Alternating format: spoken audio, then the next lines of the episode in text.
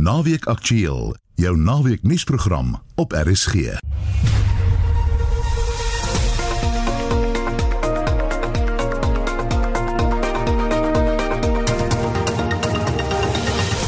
Goeiemiddag in vandag se program. Die DA stel vandag sy verkiesingshandves bekend en ons het net na 0.1 meer daaroor. Die Springbokke verloor hulle 100ste wedstryd teen die All Blacks, maar dit was 'n titaniese stryd. Die spesiale ondersoekeenheid se ondersoek na die beweerde onreëlmatige toekenning van tenders vir skoolontsmetting in Gauteng gaan voort en drie senior bestuurders is reeds aangekla. As these investigations are still ongoing, we cannot rule out the possibility of charging or aiding others. En Wessel Pretorius toets in sy motorrubriek 'n kompakte kruisvoertuig. Kompakte kruisvoertuie is die besigste segment in ons mark en hoogs mededingend ten koste van sedans en lykere. En as jy gewonder het waarvan hy praat, bly gerus ingeskakel. Welkom by Naweek Aktueel. Die redakteur vandag is Hendrik Martin en ons produksieregisseur is Johan Pieterse.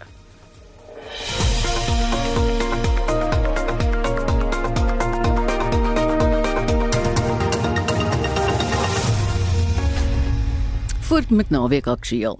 Die departement van onderwys in Gauteng het drie hoofbestuurders aangekla in verband met die onreëlmatige bestuuring van meer as 430 miljoen rand aan die ontsmetting en reiniging van skole. Die spesiale ondersoekeenheid ondersoek die saak. Die departement het verlede week 'n onafhanklike verslag daaroor ontvang. Volgens Steve Mabona, die woordvoerder van die departement, kan meer mense aangekla word. Vincent Mofokeng berig. Volgens die departement kom die aanklagte na aanbevelings in die verslag van die spesiale ondersoekeenheid oor die gebruik van geld vir die ontsmetting en skoonmaak van skole in Gauteng. Die tender was glo 431 miljoen rand. The Gauteng Department of Education has as of yesterday, Wednesday the 22nd of September 2021, served three senior managers with charges as part of the process to implement the recommendations received from SIU report on the use of funds for the decontamination and cleaning of schools in Gauteng. Following the referral by the SIU and an analysis of the evidence, it has been recommended that our head of supply chain, chief director for infrastructure development, and the acting director for auxiliary services be charged in accordance to the findings in the investigation report. Mabona sê die ondersoek duur voort en hy kan nie die moontlikheid uitsluit dat ander aangekla sal word nie. As these investigations are still ongoing, we cannot rule out the possibility of charging or aiding others.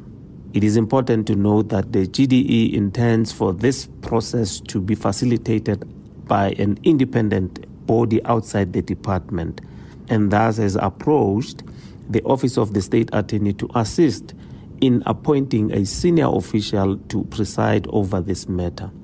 Subsequently, an experienced advocate has been appointed in this regard, and the hearings are set to begin from the 5th of October 2021. Die departement sê dat die proses deur 'n onafhanklike liggaam gefasiliteer moet word. We remain grateful to the SIU for the work done thus far, and we are committed to cooperate with them. Even though we do not want to prejudge the outcome of the disciplinary hearing, it is paramount to reiterate our position in this matter that officials who caused this expenditure need to be taken to task. Dit was Steve Mabona, woordvoerder van die Gautengse Departement van Onderwys. Ek is Vincent Mufokeng vir SAI Garnis. Daar's woede in die Verenigde Koninkryk oor die besluit om alle reise behalwe noodsaaklike vlugte na en van Suid-Afrika te verbied.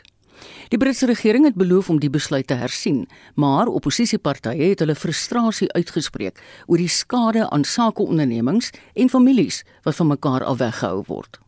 Volgens die regulasies mag net burgers of diegene met Britse verblyfreg uit die lys van rooi lande na die Verenigde Koninkryk reis. En diegene wat dit wel doen, moet self opdok vir 'n duur afsonderingstydperk in 'n goedgekeurde hotel. Annelien Moses doen verslag. Soos duisende Suid-Afrikaners is Rojan Molyneux weens die koronaviruspandemie van haar familie geskei. So wat 4 jaar gelede het sy Kaapstad vir die suidweste van Engeland verruil. Sy en haar man is veronderstel om in Desember na Suid-Afrika te kom vir haar seun se troue. Since we heard of the wedding, we had to postpone it 3 times or change our flights three times. And it is frustrating, yes, because there's a lot of cost involved. So you want to get it right. And just the planning of it all. But most of all, it saddens me to not be with my family. Vir maande is lughawens in die Verenigde Koninkryk meestal vir parkering gebruik, maar soos wat vlugte hervat is, bly 54 lande, waaronder Suid-Afrika, op die gewraakte lys. Sommige politici het die biosekuriteitssentrum daarvan beskuldig dat hulle nie deursigtig is nie. Hugh Merriman, 'n LP van die Konservatiewe Party en voorsitter van die vervoerkomitee, het die minister van vervoer Grant Shapps hieroor gepols. We can't find any information. They're not writing back to us. They just seem to be a bit Wizard of Oz about it. Well, I can uh, look. Then they don't come under my actual remit. They're a Department of Health body. But I will very happily, on behalf of the committee, write to them and say that, in my view at least, they certainly should share that information with a committee of parliament. Ben Bradshaw van die Arbeidersparty het ook deursigtigheid bepleit. We are in the worst possible situation in Britain that we have the most restrictive travel rules of any country in Europe, and yet we have the highest COVID rates. We've got the worst of both worlds, and I think we're doing really serious damage to long-time friends like South Africa and other countries from treating in this way, in a way that no other European Union country is treating them.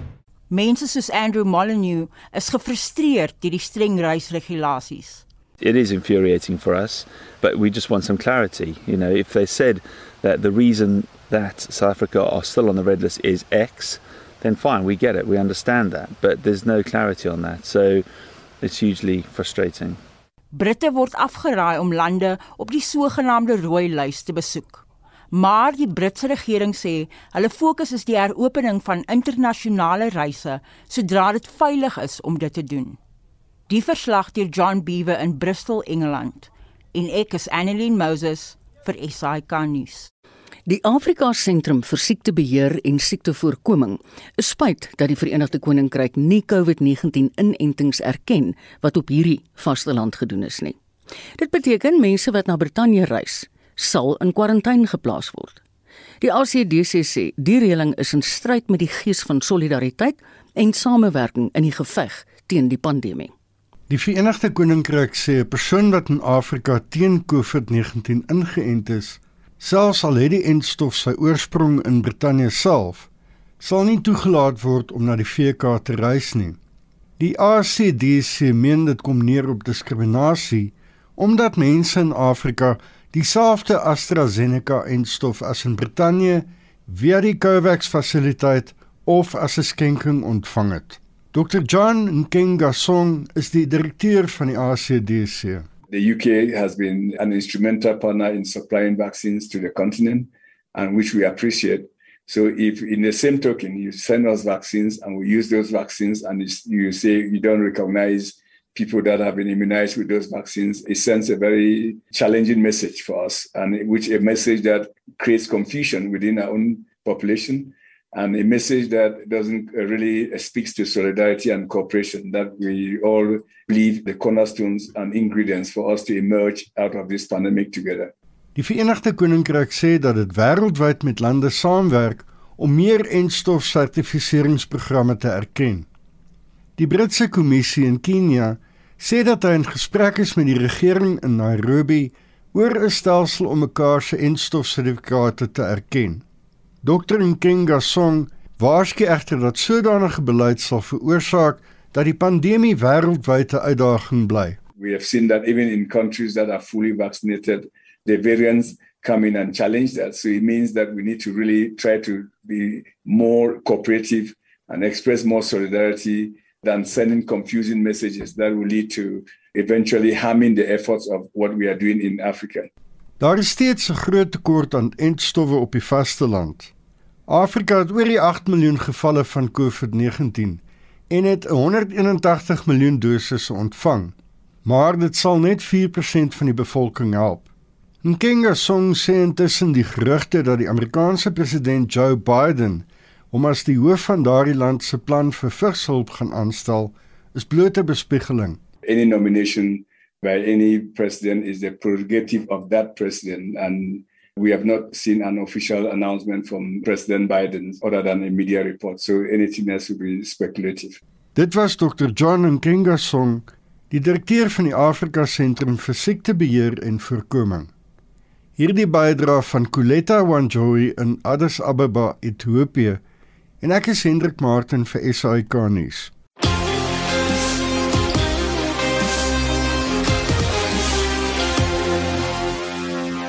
As jy wil sport hierdie lang naweek en Pieter van der Berg het al die inligting. Hallo Pieter. Dan sê maar dit dan. Ek en jy was aan verlede week verskriklik bek af na die Springbokke se wedstryd in Australië. Maar vanoggend dink ek kan ons beter voel. Ja nee wat, ek moet jou sê die senuwees van stil, dis 'n wipplankery gewees soos min of wipplankery soos min gewees. Nou dis natuurlik in die rugby kampioenskap waar ons aan ons 100ste toets dis in die twee lande kragtige gemeete, dis in Suid-Afrika teen uh, Nieu-Seeland en uh, in die eerste helfte het beide spanne goed gevaar mekaar behoorlik vasgevat. Elke span het 1-3 gedruk, twee strafdoele behaal en daar was ook 'n uh, doelskop aan die kant van Nieu-Seeland en die rustuittelling 13-11 in die guns van die All Blacks. Ongelukkig net so voor rustyd het uh, Sibusiso Nkosi 'n geel kaart gekry. Was daar in die 35ste minuut en hy moes tot so in die 60ste minuut van die tweede helfte moes hy nog aan die kantlyn sit. In die tweede helfte het beide spanne net twee strafdoele kon aanteken en in die doodsnike het die All Blacks dit in 1917 in hulle guns gemaak, net 2 punte verskil en Georgie Barrett, hy spog met 5 uit 5 skoppe. So ja, aanstaande week speel die twee spanne weet jy mekaar en ek moet sê dat in die Seeland het natuurlik nou reeds verseker dat hulle die rugby kampioenskap ingepalm het. En is gesê rugby raai, die SMS kompetisie Marita, daardie 10000 rand wat op die spel was, is gewen deur uh, een van ons luisteraars en dit sal maandagmiddag in Spitsbergen aangekondig word. En dan begin ons weer met 'n nuwe kompetisie, soos ons sê aanstaande naweek speel ons weer teen Nieu-Seeland. En op die oomblik speel Australië teen Argentinië. Die telling daar is 7-0 na byna 10 minute se speeltyd in die eerste helfte. En dan moet ons ook oor die sewes wêreldreeks se draai maak. Die Blitsbokke het verlede week daar in Vancouver natuurlik eh, die toernooi gewen. Nou die tweede been van die reeks vind hierdie naweek in Edmonton plaas, ook in Kanada. En eh, die eerste wedstryd word vanaand onstyk gespeel. Suid-Afrika is daar in groep A ingedeel saam met Kanada, Hong Kong en Mexiko. En dan gisterand maar het daar die Verenigde Rugby Kampioenskap begin en in Zebre, hulle het op hulle tuisveld in die Lions van Suid-Afrika gespeel. Die Lions was in een stadium 38-0 voor, maar die eindtelling 38-26 in die guns van die Lions. Vandag speel Benetton teen die Stormers, dis om 2 uur, dan om kwart oor 6 vanaand, Lions teen die Bulls en Munster en die Sharks. Hulle neem kragte vanaand om 25 minute voor 9. Kyk, is hierdie naweek die Russiese Formule 1 en jy het genoem in Monitor gister dat Lewis Hamilton sy 100ste oorwinning kan vier. Ja, wie dit is 'n groot oomblik vir hom as hy dit kan regkry. Baie interessant. Mercedes het uh, sedert 2014 al die wedrenne op die Sochi uh, baan daar in Rusland gewen. So die kans dat hy dit gaan regkry mm. sekerlik daar. Ehm um, nou tydens die uh, oefenronde gister is dit Valtteri Bottas in die een Mercedes, Lewis Hamilton in die ander ene waar die beste tyd daar gestel het. Pierre Gasly in die Alfa Tauri was die derde met Lando Norris daar in die vierde plek. Maar ek dink die groot nuus hier is is dat die voorloper op die punt is, dis ou Max Verstappen. Hy het natuurlik uh, uh, gebruik gemaak van 'n vierde masjien, 'n engine en uh, dit uh, beteken dat hy uh, hulle mag net 3 in 'n seisoen gebruik. Dit beteken dat hy môre heel laaste gaan werk. Nou, ja, dit gaan dis 'n nagmerrie vir hom en hy sal baie hard moet werk om terug te kom tussen die voorlopers. Die werkspring is môre middag, dit is om 2 uur daar in Rusland. Die 43ste span kompetisie in golf, die Ryder beker tussen Amerika en Europa het gisterand begin. Ons het 'n luisteraar gehad wat gevra het jy moet asseblief net die formaat van die kompetisie vir ons verduidelik. Ja, dis 'n spankompetisie word 2 jaar wat tussen die FSA en Europa gespeel en van jaar spele daar in Wisconsin. Nou die formaat van die kompetisie lyk so op dag 1 en 2, dis nou gister en vandag waarskynlik, is dit eers die uh, vier beurtspel wedstryde, daarna die vier beterwal wedstryde. Nou die beurtspel, dis waar twee spelers om die beurt met dieselfde bal speel. So ek speel my hou en dan speel my my my uh, spanmaat speel hy die volgende hou met daardie een bal. En in daardie afdeling het die FSA 'n 3-1 voortou geneem uh, na daardie beurt spel van gister. Toe daarna is dit die beter bal geweest. Nou daar speel elke speler sy eie bal, maar daar is nog steeds twee manne in 'n span. Wat dan teen twee van die ander span speel en weer eens daar het die FSA met 3 wedstryde teen 1 geseëvier. So hulle loop na dag 1. Dis nou die FSA teen Europa voor met 6-2 en uh, natuurlik môre is dit die 12 individuele kragmetings wat sal mm. plaasvind en die eerste span wat 14.5 wedstryde wen met ander woorde as 'n ja. totaal van 28 hulle wen dan daardie Ryder Beek op die oomblik is dit Europa wat die verdedigende kampioene is Daar was gister IPL cricket aksie en dan is daar ook 'n T20 wedstryd of twee hier in Suid-Afrika. Ja, kom ons maak dit draai in Sharjah, dis waar die Royal Challengers Bangalore 156 vir 6 opgestapel het en die Chennai Super Kings het geantwoord met 157 vir 4. Dit is vir die Kings 'n oorwinning van 6 paaltjies daar en soos jy sê hier in Suid-Afrika, dit kans A vir die 20 reeks wat uh, gister begin het. Die Suidweselike distrik het 'n 24 loopie oorwinning behaal oor uh, die Noord-Kaap en dan sien ek dat die Westerse provinsie, hulle het met twee lopies gesien vir oor die Lions en beide daardie wedstryd was in wedstryde was in Kimberley gespeel gewees. Pieter, kom ons maak 'n draai op die tennisbaan. Daar's op die oomblik ATP en WTA toernooie aan die gang. Mm, ja, maar dit dat die ATP toernooi is daar in Frankryk, dis die Moselle Ope en uh, natuurlik in die kwart eind wat gister plaasgevind het, was daar oorwinning vir Pablo Correa Busta, Gelmond Fields asook Pieter uh, Gojovic. Nou baie interessant, ek sien daar die ander man wat deur is aan die halfway toe is Hubert Hurkacz. Hy het daar afgereken met Andy Murray, die telling 7-6 en 6-3. En dan in die vroue WTA reeks, dit is die Ostrava Ostrava Ope in die Tsjechiese Republiek mm. en uh, daar is dit uh, Annette Kontaveit wat uh, met 6-4 en 6-3 met uh, Belinda Bencic afgereken het en uh, die ander drie spelers wat deur is na die halfwyn toe is Petra Kvitova, Iga Swiatek en Maria Sakkari. Kom ons kyk bietjie na sokker. Daar's een sokkerwedstryd gisterand in die Engelse Premierliga afhandel, maar vandag wag daar nog heelwat aksie, né? Nee? Ja, gisterand geen telling nie. Dit was die so dit was of kom ons sê die telling was 0-0. Mm. Swallows teen Cape Town City. Dit was in ehm um, die Soweto Stadium Dobsonville gewees, uh hier in Johannesburg. En dan vandag is daar 'n hele rits wedstryde. Dit sluit onder meer Orlando Pirates en Mamelodi Sundowns in en daar sal ons gereelde verslae vanmiddag hoor in RSG Sport van 1 Maris. Dan AmaZulu teen Baroka, uh, Sekhukhune United teen Golden Arrows, Stellenbosch speel teen Chippa United en SuperSport teen Maritzburg United. En dan in die Engelse Premierliga is daar 'n hele klomp interessante wedstryde vandag Chelsea teen Man City en dan sommer dieselfde tyd half 2 vanmiddag Man United teen Aston Villa. Leicester City speel teen Burnley en dan is daar nog vier ander wedstryde wat onder meer insluit Brentford teen Liverpool. Daardie wedstryd is om 07:30 vanaand. Baie dankie Pieter, dis weer 'n bedrywige sportnaweek, maar dankie vir jou bydrae. Dit was RSG se sportkoördineerder Pieter van der Berg.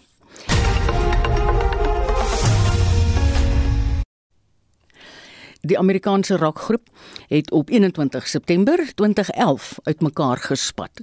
Die hoofsanger, Michael Stipe, het bevestig dat die groep nooit weer saam sal speel nie. Hy het in 'n onderhoud op die Amerikaanse radiostasie WNYC gesê dat berigte wat daarop sin speel, sommer net nonsens is.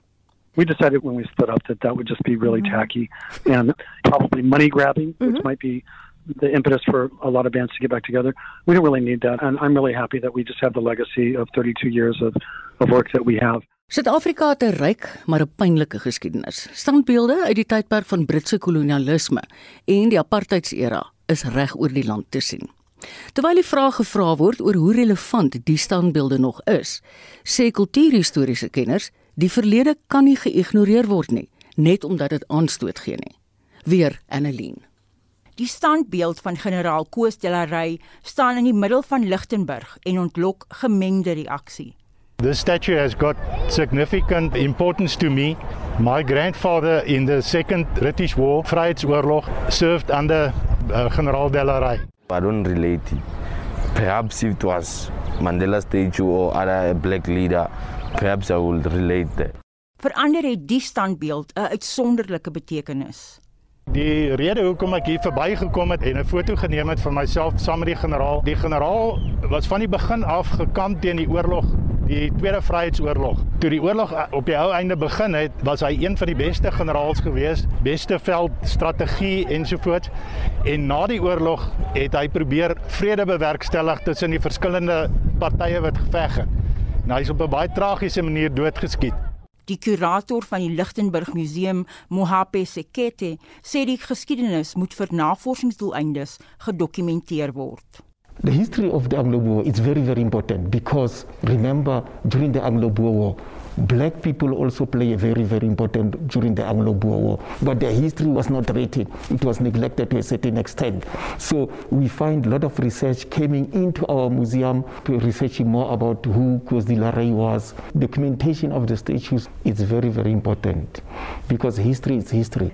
'n Standbeeld van 'n luiperd van die Universiteit van Bophuthatswana is onlangs by die ingang van die groot saal Ons is jammer ons moet vir Annelien Moses daarso doof, maar soos julle weet het ons vroeër beloof as die DA uh beginne gesels John Steenhuisen dan gaan ons oorskakel na Kerkplein in Pretoria.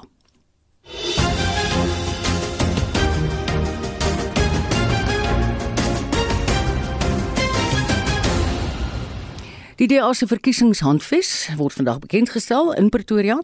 Die verrigting het reeds om 11:00 begin en die DA-leier, John Steenhuisen, gaan nou praat. Concerned about the precarious state of their town, who might be scared for the future of their family, or who doesn't know whether their business can survive another 5 years of the status quo, to read this document. Find in it the parts that speak to your specific concerns and then see what we propose to fix this. We've tried to keep it as straightforward as possible and avoid all those dry technical language that so often accompanies these documents. We want it to be easily understood and applied to whatever the situation in your town or your city may be.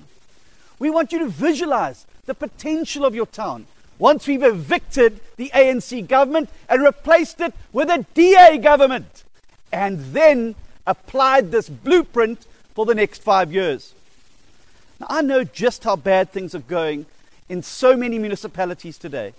In recent months, I've visited many towns across the country, and I've spoken to hundreds of people, and the stories they've shared with me paint a very bleak picture indeed. Ours is a country where the collapse of local government is so widespread that it can no longer be feasible to place these non functioning municipalities under administration, as there's simply just too many of them. Ours is a country where, bit by bit, ordinary citizens, businesses, and civic organizations have had to start taking over the responsibilities of their failed local governments. Where grass verges are mowed and potholes filled by ordinary residents people whose sense of pride and ownership of their neighborhood won't allow them to simply stand back and watch as it all crumbles. Where water infrastructure is repaired and maintained by members of the community because the alternative is too catastrophic to contemplate. Where NGOs and churches have had to step more and more into the role meant to be fulfilled by government's social services where neighborhood watchers and rural safety patrols have taken on the duties of protecting communities because the police and local law enforcement simply cannot. And as more and more of these functions are taken off their hands, these local governments are only too happy to just step back and do nothing. Ours is a country where hundreds of municipalities can no longer collect payment from residents for services like electricity and water and end up owing these utilities billions of rands. And they're constantly on the verge of disconnection. Ours is a country where the biggest employers in town have to beg their local government for years to improve the provision of clean water or to maintain the road and infrastructure so that the business can remain viable. And when this doesn't happen, and when these businesses and factories eventually have to close down or relocate elsewhere, these very same local governments turn around and beg them to stay. We all know the story of the clover factory in Lichtenberg that made the news headlines. But that same scenario is playing out in dozens of other towns, in most provinces, where the failure of local government to do the very basics of their job has hounded businesses out of the town and left thousands of our people jobless. One by one, our small towns are becoming economic ghost towns. And the people who remain there after all the businesses have left are faced with an impossible decision stay there, unemployed, desperately poor, and with almost no prospect of finding a job, or to leave the place you call home and your family in search of an equally uncertain future in a strange city. Those cannot be the only two options. We cannot accept the demise of all these local economies as some inevitable fate. These are things that can be changed, things that are worth the fighting for. We dare not write off any town. But, fellow South Africans, ours is also a country where small islands of excellence still exist in the sea of local government failure and neglect. And here I'm talking about municipalities run by the DA. Whether it's a town like Stellenbosch, Swellendam, or Mossel Bay in the Western Cape, whether it's Kocha in the Eastern Cape, or Midvaal in Gauteng, the contrast between these municipalities and those run by the ANC is staggering. The contrast is so unmistakable that in some places you can literally see the DA difference in the road under your feet as you cross the boundary. And it doesn't matter which independent criteria you use, whether we're talking clean audits in the Auditor General's report, whether we're talking municipal rankings by Ratings Africa, whether we're talking the results of the Citizen Satisfaction Index, or whether we're talking the unemployment numbers put out by Stats SA. DA governments consistently come out on top. Now, the DA governs less than 10% of South Africa's municipalities, but the top five performing municipalities are all run by the DA. And you may ask yourself why. What is it about these towns and cities that makes them work when neighboring municipalities are imploding? Why should a DA controlled municipality offer such a vastly different outcome? And there are a number of reasons for this. For starters, our party is obsessed with doing the basics well, streamlining and correcting our systems until they're efficient and entirely focused on solving the problem. Whether this problem is collecting refuse, filling potholes, managing housing lists, or keeping people safe. We also believe in employing only fit for purpose individuals to government and then demanding accountability from them because this is the only way to build a capable state. We have zero tolerance for corruption, and we have an obsession to reduce any unauthorized or irregular expenditure as low as we possibly can. In other words, to spend every single cent of public money in the most efficient manner and where it makes the most impact. We believe in harnessing the power of the whole of society to tackle our challenges. We don't see government as some all powerful entity dispensing its mercy, its gifts, and its jobs to the people. Government cannot create jobs, not on the scale we need. But if approached right, government can be an enabler of potential. It can put in place the systems, the support, and the legislation that make it possible for businesses to flourish and to create jobs.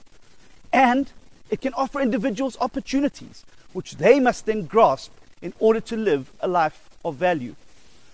But most importantly, in the DA, we never forget why we do what we do. We don't forget our oath of office. We never lose sight of the fact that the DA serves the people not the other way around. Now, none of these things is rocket science. They're just the basic principles of good governance. But they're also the very things that set DA governments apart. When you apply these principles to local government, along with a clear long term vision for a town or city, you'll get what we call the DA difference. And on the pages of this manifesto, you will find this applied to every aspect of local government you'll see that we've divided this document up into a number of sections which deal with the main functions of a local government. Each of these functions is critical if you want a municipality to work. And it starts with arguably the most important function of a local government the provision of dependable basic services to all. And this is where the DA has put miles of clear blue water between us and ANC local governments. Nothing has a more direct impact on people's quality of life and their ability to live a life of dignity than good, reliable, basic services, and particularly access to clean drinking and cooking water. In this manifesto, you will see how DA governments work hard to make communities water secure, and particularly in the drought stricken parts of the country like the Eastern Cape. Having successfully fought off day zero in Cape Town, DA governments are using learnings from that episode to mitigate the drought in Nelson Mandela Bay through measures such as faster leak repairs, flow restrictions, sinking boreholes, and running public awareness campaigns. You'll also read here of the DA's efforts to provide residents with clean and hygienic environments to live in through regular waste collection, managing landfills, controlling polluting emissions, and supporting waste pickers in their recycling efforts. In the section on electricity provision, you will learn of the DA's mission to make six pilot municipalities in the Western Cape load shedding proof in what they call the Energy Resilience Project. These municipalities are putting in place measures that will enable them to procure electricity directly from suppliers and ultimately end their reliance on Eskom altogether. You will also learn that Cape Town already manages to avoid at least one stage of load shedding compared to the rest of the country through its pumped hydropower station at the Steenbras Dam. You will learn of our plans to improve public transport and road quality, as well as to our plans to integrate public transport in metros into a one ticket system. You can also read about our award winning recycled plastic road in Kocha, the thousands of potholes we've already filled in Tshwane, and our world class bus rapid transport systems in both Cape Town and George. The next section in the manifesto deals with crime and safety. And although policing is a function of national government, DA governments have been working extremely hard to protect residents from the scourge of crime and particularly gangs and drugs. We want all South Africans to feel safe and free in their own neighborhoods or out on their farms. And we'll help to protect them and take back the streets from the criminals in this country. Ultimately, our goal is to devolve much of the policing functions from national government to competent metros and municipalities. And we will fight national government's attempts to bring all metro police departments and municipal law enforcement into one centralized police service. And we will take this fight all the way to the Constitutional Court if that is what we must do.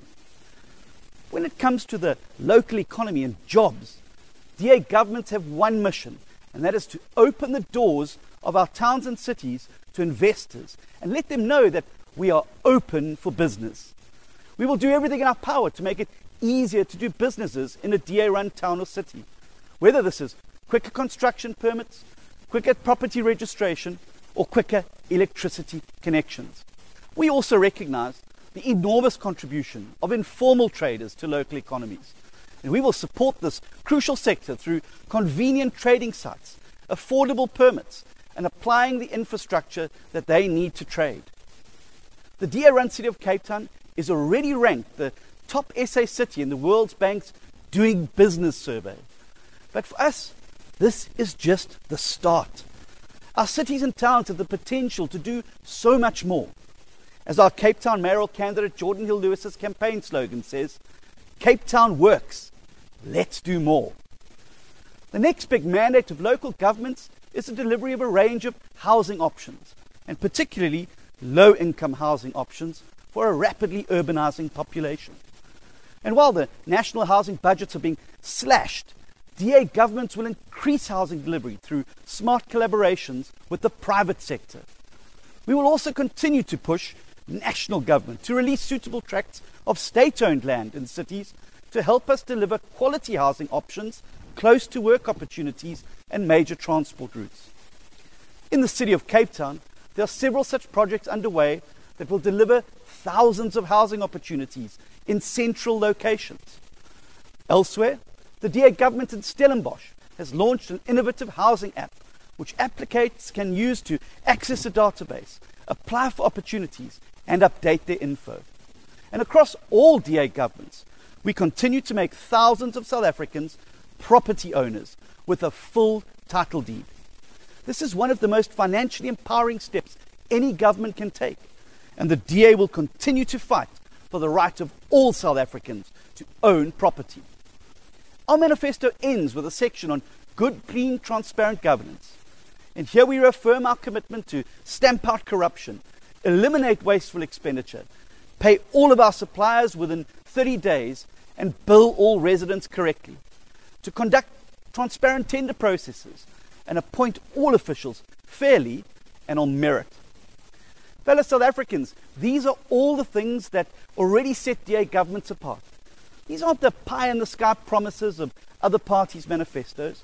We already implement these steps and we already live these values where we govern.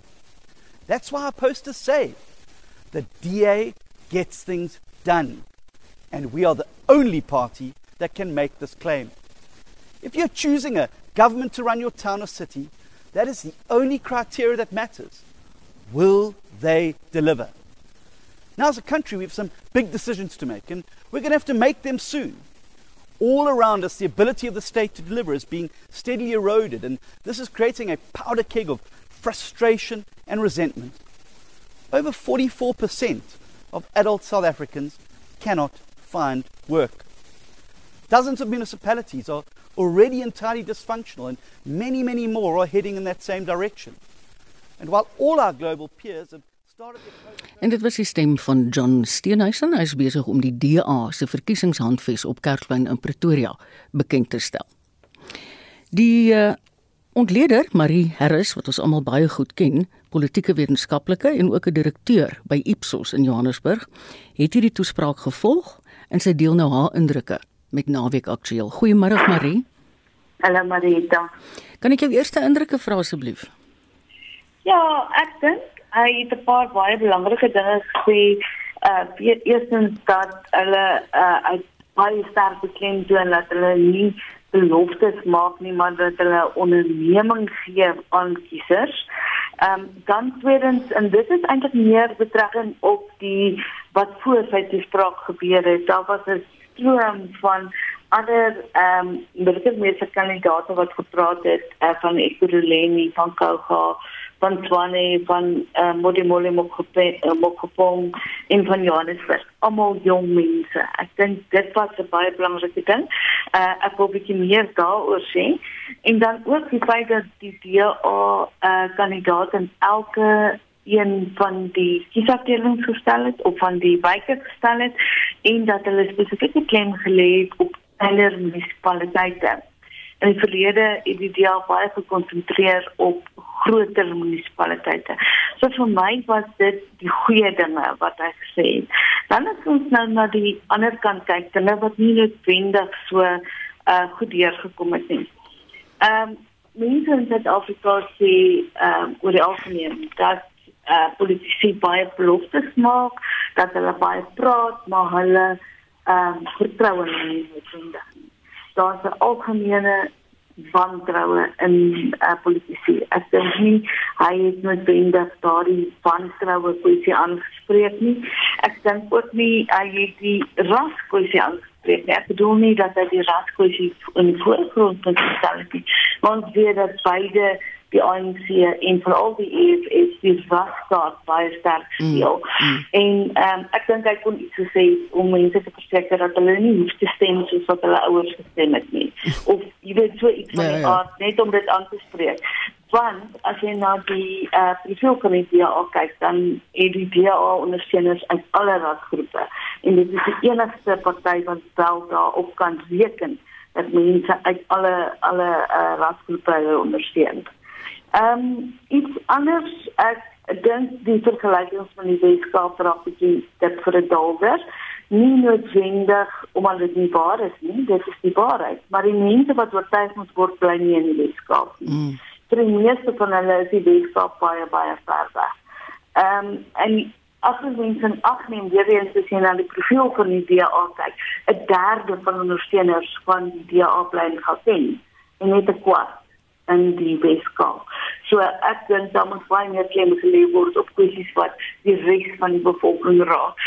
En die Weskaap vir die vir jou 'n veld op in die Weskaap met vergelykings uit die Weskaap, maar kry 'n ander storie vir die res van die land. Want daar is regtig ander goeie stories, soos met val byvoorbeeld. Ehm um, soos Modimolle wat gekom gebruik ander stories.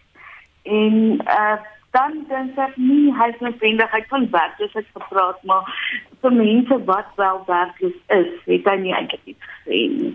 Ehm um, ek sou sê dit is baie moeiliker om dit aan te spreek in die kleiner munisipaliteite soos wat ek reeds weet genoem het wat goed dat hy oor kleiner munisipaliteite genoem uh, gepraat het maar uh, wat hy nie in ag geneem het nie is dat 'n derde van al ondersteuners wel werkloos is So, wat gaan die munisipaliteite doen?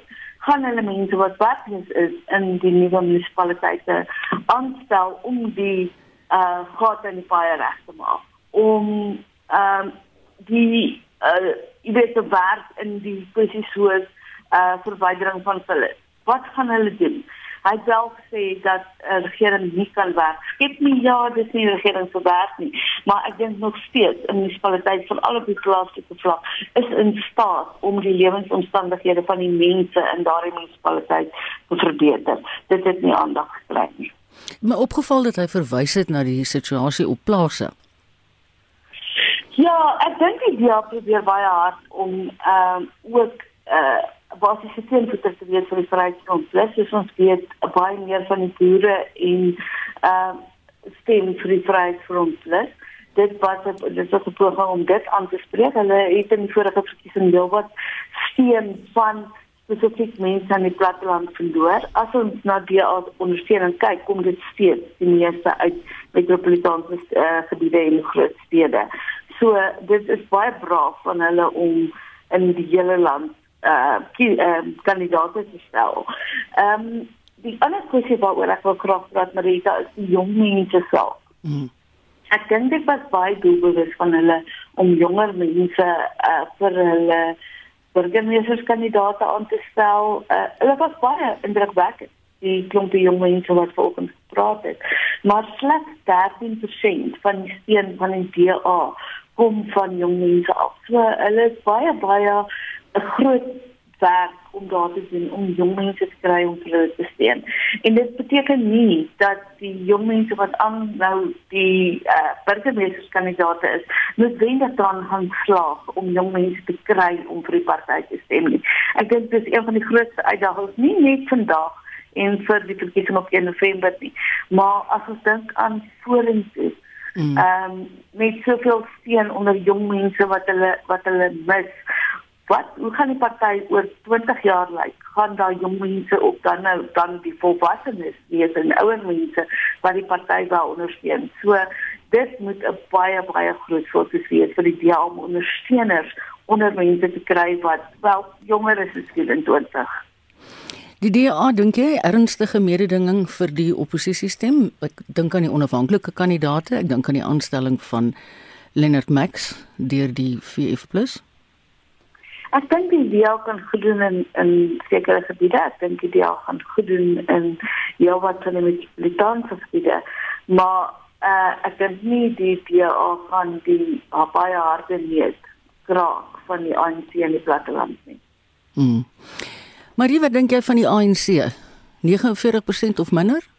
Uh ja, die jury is uit op daai ene Marita. Ons laaste meting was 49%. Ek dink die ANC het 'n baie indrukwekkende verkiesingsmasjien.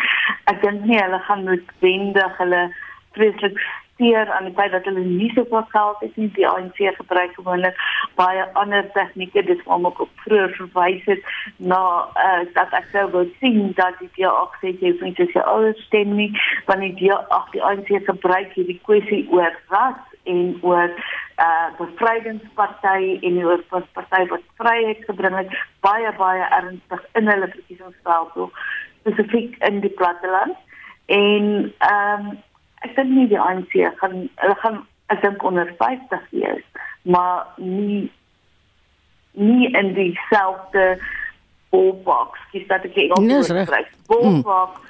van waar die DA en die EFF van wees nie. Hulle gaan steeds die belangrikste en grootste party in die land wees.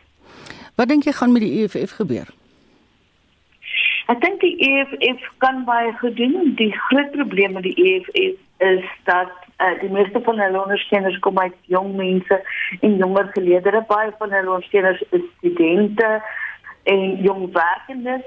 Wat ons natuurlik sien is dat baie van hierdie mense nie geregistreer is nie. In die laaste naweek het hulle gespreek en al wat jong mense geregistreer, maar as ons dink dat die vorige uh, kieslys was omtrent 25 26 miljoen mense, daar's nou omtrent 26.2 miljoen mense. Dan gaan dit nie so reeds ja. verskil maak nie. Die EFF dink dit gaan nog steeds die derde grootste party in die land wees. Hulle gaan waarskynlik goed doen in gebiede soos minder goed is wat hulle self dink dink ek in Limpopo. Hulle gaan goed doen in Noordwes en in die laaste tyd is hulle ondersteuning in KwaZulu-Natal nogal groei. Ja, maar ehm um, nie de, hulle hulle gaan nie 'n groot opskudding veroorsaak nie. Baie dankie Marie. Dit dan die politieke wetenskaplike Marie Harris.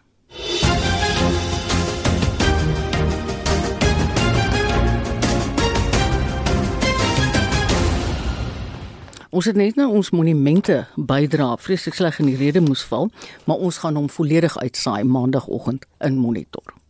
Nou is dit tyd vir ons weeklikse motorrubriek en Wessel Pretorius toets 'n Kia.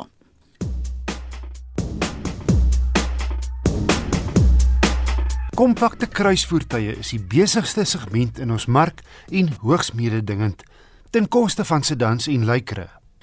Die resep: jou grondvryhoogte is beter, so jou kar skraap nie so maklik onder nie. Slaggate word beter hanteer. Die in- en uitklim is makliker en omdat jy hoër sit, is jou sig na buite beter. O, en dan is daar natuurlik die 4x4 sportnutsagtige voorkoms. Hoewel feitelik alle kompakte kruisvoertuie slegs met die voorwiele trek, soos in die geval van die Kia Sonet wat 4 maande gelede plaaslik bekend gestel is. Na my mening een van die aantreklikstes in die gewilde klas met Kia se bekende tierneus sierrooster. Alle modelle kom met 'n 1.5 petrolmasjien. Die reeks begin met die LX handrat teen R270 000. Ek het die topmodel gery, die EX outomaties teen 311 000. Silwer skuurplate voor en agter, dakreëlings en 16 duim alloy wiele doen diens. Die binneruim is netjies afgewerk. Die kwaliteit en materiale voel en lyk net so effens beter en stylvol as ander waans uit Indië in hierdie klas wat ek onlangs getoets het, spesifiek die twee groot verkopers, die Toyota Urban Cruiser en die Ford EcoSport. Hier's 'n pragtige leerstuur en 'n sentrale skerm bied 'n driebeeld stemkontrole en Apple CarPlay en Android Auto. Net twee ligsakke voor, maar jy kry elektroniese stabiliteitsbeheer en remkragverspreiding, as ook drie sensors. Ook 'n 12V kragpunt en 'n USB-sok voor en een agter. Spasies volop in die kruisvoertuig van 4,12 meter. Danksy 'n wielbasis van 2,5 meter is beenruimte heel goed. Die bagasieruim is heel billik vir die klas en 'n klewerige mat op die bodem keer dat goed rondskuif. Sy 1.5 stoot 85 kW en 144 Nm wrinkrag uit, gemiddeld vir die klas ryding.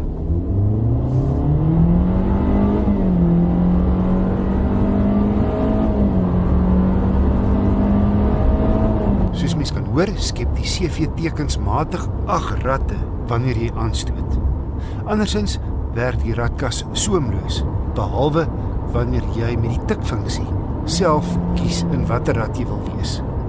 Die Sonnet het net 6,8 liter per 100 km op my stad en ooppadroete gemeet. Interessant, Kia se eie gekombineerde syfer is 7,2. Bitterselde dat my verbruik laer is as vervaardigers se tipies optimistiese syfer. Sy ritgehalte is toegeeflik oor ongelyke oppervlaktes en grondpad, presies soos jy dit wil hê in 'n kruisvoertuig. En hy voel stewig geplant op grond en teer. Tekortkominge: Hy het wel outomatiese ligte, maar nie dagryligte nie en ook nie togbeheer nie. En die agterste rugleuning kan nie gesplit 60/40 vorentoe afslaan nie, slegs in geheel. Andersins is die Kia Sonet EX outomaties teen R311 000 'n gawe kaland. Netjies gestileer binne en buite, relatief ruim. Hy ry lekker. Sy boukwaliteit voel solied. Hy word gedek deur 'n 4 jaar 60 000 km diensplan en hy kom met 'n omvattende 5 jaar onbeperkte waarborg wat padbystand insluit.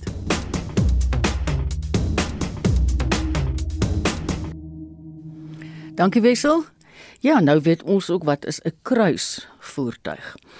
Dit dan vandag se naweek aktueel. Ek hoop jy het al die bydraes geniet. Dis so 'n vol sportnaweek. Was goed om met Pieter te gesels. Ek groet namens ons hele redaksie. Ons uitvoerende regisseur is Nicoline de Wee. Vandag se redakteur is Hendrik Martin. Produksieregisseur is Johan en ek gaan nou my naam ook sê want ek gaan nie gou weer met julle praat die naweek nie. Namens my Marietta Kreer.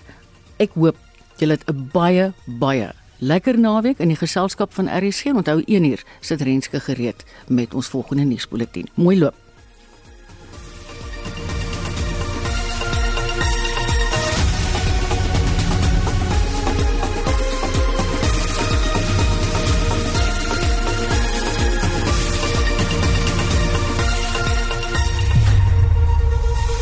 Esai Kahnis, onafhanklik, onpartydig.